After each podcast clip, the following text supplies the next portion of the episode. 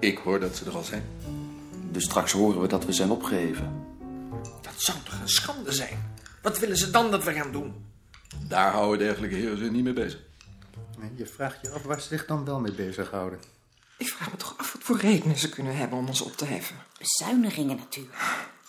Daar kunnen ze dan weer een straaljager voor Maar kopen. waarom zouden wij dan juist worden opgeheven? Ik heb wel eens gehoord dat wij het goedkoopste instituut zijn voor het hoofdbureau, omdat wij geen apparatuur hebben. Ach, het is gewoon een kwestie van macht. Als je maar aan de weg timmert, dan laat ze je wel met rust. Wat je doet, kan ze niet schelen. Je moet gewoon een grote bek hebben. En veel publiceren. Doet er niet toe wat. Jullie houden nooit een symposium, hè? Een wat? Nou zit je al zo lang op het bureau. En dan weet je nog niet dat volkscultuur nooit juist geen symposium moet houden, omdat daar de verkeerde mensen komen. Maar ik zou zo graag wat over de dorsvlegel horen. Dat lijkt me zo interessant. We zouden niet kunnen.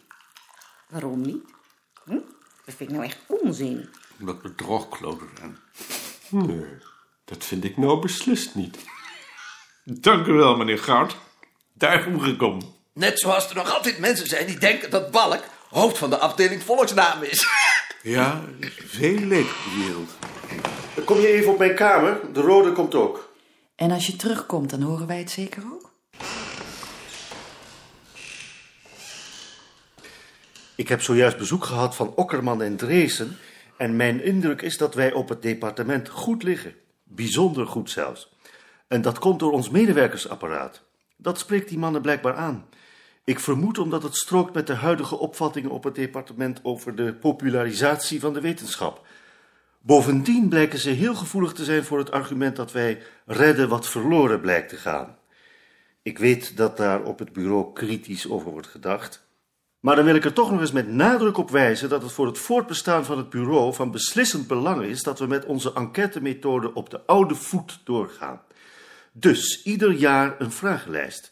En ik verwacht van jullie en van je mensen dat jullie je voortaan in je kritiek beheersen. Is dat duidelijk? En als de vragenlijsten straks blanco terugkomen, Dat zal zo vaak niet lopen. En als het zover is, dan zien we wel verder. Ik ben toch wel heel blij om dat te horen. Ik ook. Het had ook anders kunnen uitvallen.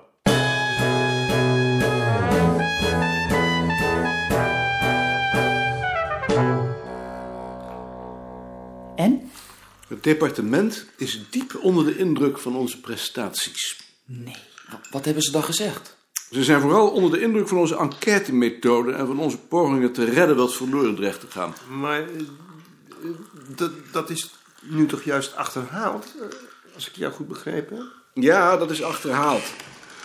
Het zijn domme mannen, dommer dan ik dacht. Hebt u nog een kop thee? Dus ons bureau loopt geen gevaar? Eh, Ik heb de indruk van niet. Niet waar, Jaap? We zitten op de top van de golf. Wat? We zitten op de top van de golf. Ik zou voorzichtig zijn om zoiets te zeggen. Je bedoelt dat de golf kan omslaan. Je kunt er beter niet over praten.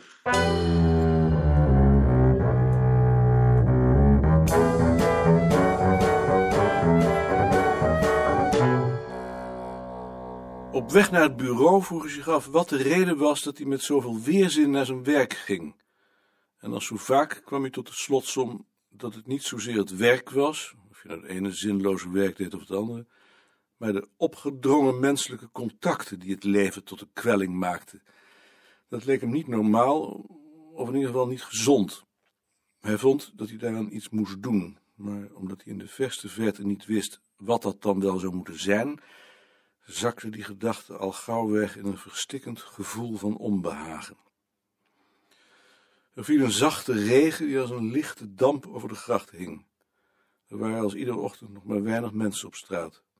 De atmosfeer had iets troosteloos, als aan het einde der tijden.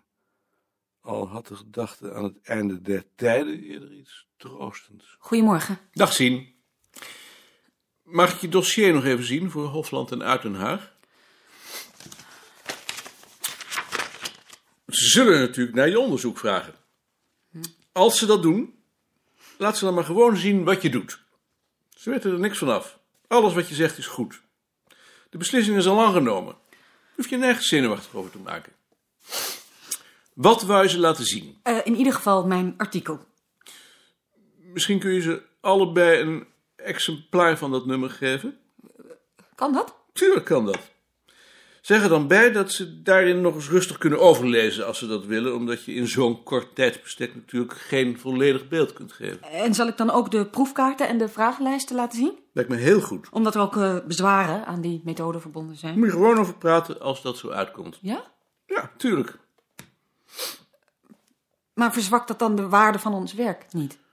Als je de dingen gewoon zegt zoals je ze ziet, zonder je te forceren, versterk je alleen maar je positie. Omdat Balk heeft gezegd dat we geen kritiek meer mogen hebben op de vragenlijsten. Dat kan Balk wel zeggen, maar wij moeten ermee werken. En als je niet gewoon zegt wat je denkt, loop je vandaag of morgen toch vast. Hoef je echt niet zenuwachtig te maken. Kan echt niets misgaan. Je zult zien dat die mannen je heel welgezind zijn. Als ik zeg dat het goed is wat je doet, dan zullen zij dat echt niet meer tegenspreken. En ik vind het goed. Jaring, Oh, je bent er dus toch. Ik dacht dat je er misschien niet was. Je zocht me? Je artikel? Ik weet alleen niet of het zo wel de bedoeling is. Eh, ik zal het lezen. Met Koning, Met Pandey. meneer Pandé, goedemorgen. Goedemorgen. Meneer Balk heeft opgebeld dat hij ziek is. Ik moest dat aan u doorgeven. Ehm, hebt u hem ziek gemeld? Nee, eigenlijk niet. Eh, Is juffrouw Bavelaar er niet? Die heeft vandaag haar vrije dag. Meld Eh, u hem dan maar ziek. Zijn er nog meer zieken? Alleen Wigbold, maar die is al ziek gemeld. Goed. Dan alleen Balk. Ik zal het doen. Is Balk ziek? Ja. Zeker om te vieren dat het gisteren zo goed is afgelopen. Dat lijkt me niet helemaal zijn stijl. Heren. Dag meneer Hofland. Dag meneer Uitenhaag. Hoe maakt u het? Eh, Mogen we even? U mag altijd. Gaat u zitten. U komt voor mevrouw de Nooijen. Maar ik had ook nog een vraag. Ik mis in uw rapport twee bladzijden. Ik moet die ergens hebben laten liggen. Hebt u misschien een kopie? De bladzijden 12 en 13. Eh, Ik laat ze even maken.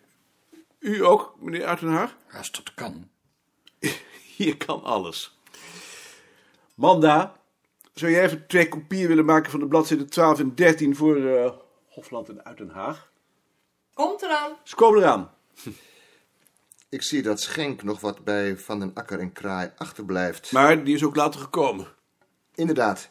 Ik zie het. En de Nooier werkt nu helemaal zelfstandig? En ze doet onderzoek. Dat is toch werkelijk een prachtig systeem?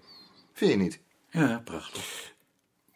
Mevrouw de Nooijer zou u straks wel vertellen wat dat onderzoek inhoudt. Ik zou u alleen willen vragen om haar daarvoor de tijd te geven. Ze is heel goed, dat zult u meteen merken, maar ze is ook erg nerveus. En wanneer ze zich opgejaagd voelt, valt ze over haar woorden. Dat is goed dat u dit zegt. We zullen daar rekening mee houden, hè? Natuurlijk. Is er misschien nog iets? Nee, dank je. Eh, zullen we dan? Dan breng ik u even naar haar toe. Eh, Wilt u allebei een kop koffie? Heel graag. Heel graag.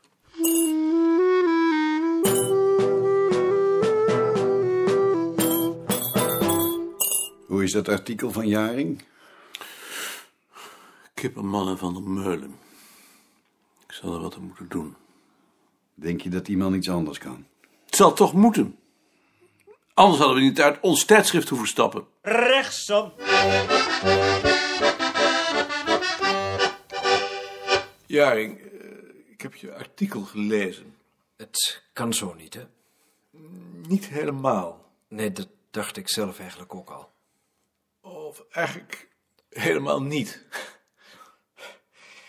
Maar daar is vrij gemakkelijk wat aan te doen als je het ehm, perspectief wat verandert.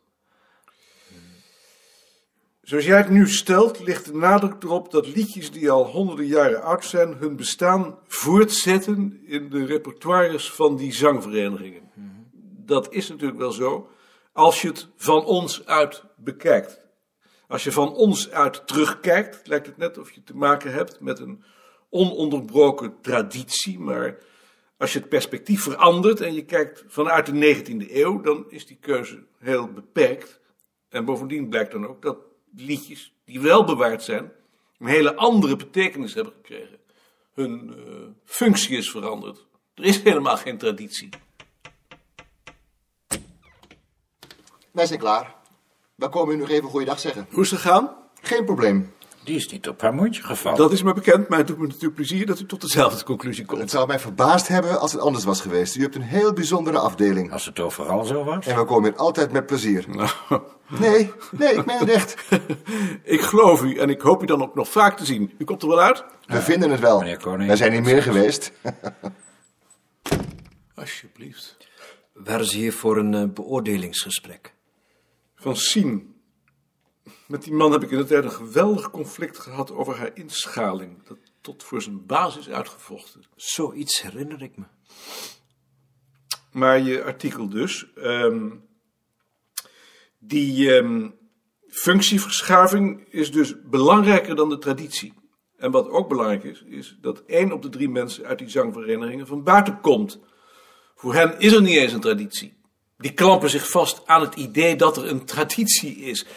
Daar zou je eens onderzoek naar moeten doen. Dat is belangrijk, omdat je daarmee zou kunnen laten zien dat het zogenaamd vasthouden aan tradities een sociaal-psychologische functie heeft. Daar kon je wel eens gelijk in hebben. Natuurlijk heb ik daar gelijk in. En als je het vanuit dat perspectief herschrijft, past het bovendien veel beter binnen de formule van het bulletin. Maar daar zou ik dan wel wat extra tijd voor moeten hebben. hoeveel, denk je? Een half jaar. Ehm, goed. Dan zal ik kijken of we nog iets anders voor dit nummer hebben. Ik heb in de kantlijn aangegeven hoe je het zou kunnen veranderen. Daar kunnen we later nog wel over praten als je dat wilt. Linksom.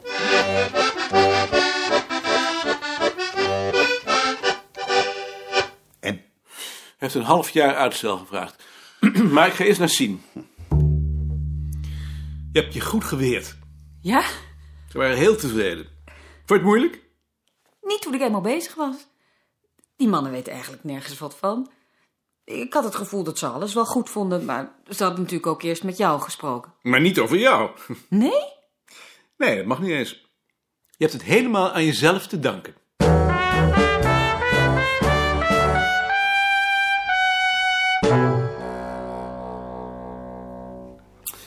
Ehm, dat betekent alleen wel dat we nu niets voor 3-1 hebben. Hebben we niet nog een handschrift of, of een interview met een van die bakkers? Ik vraag me af of ik voor die tijd nog een artikel kan schrijven.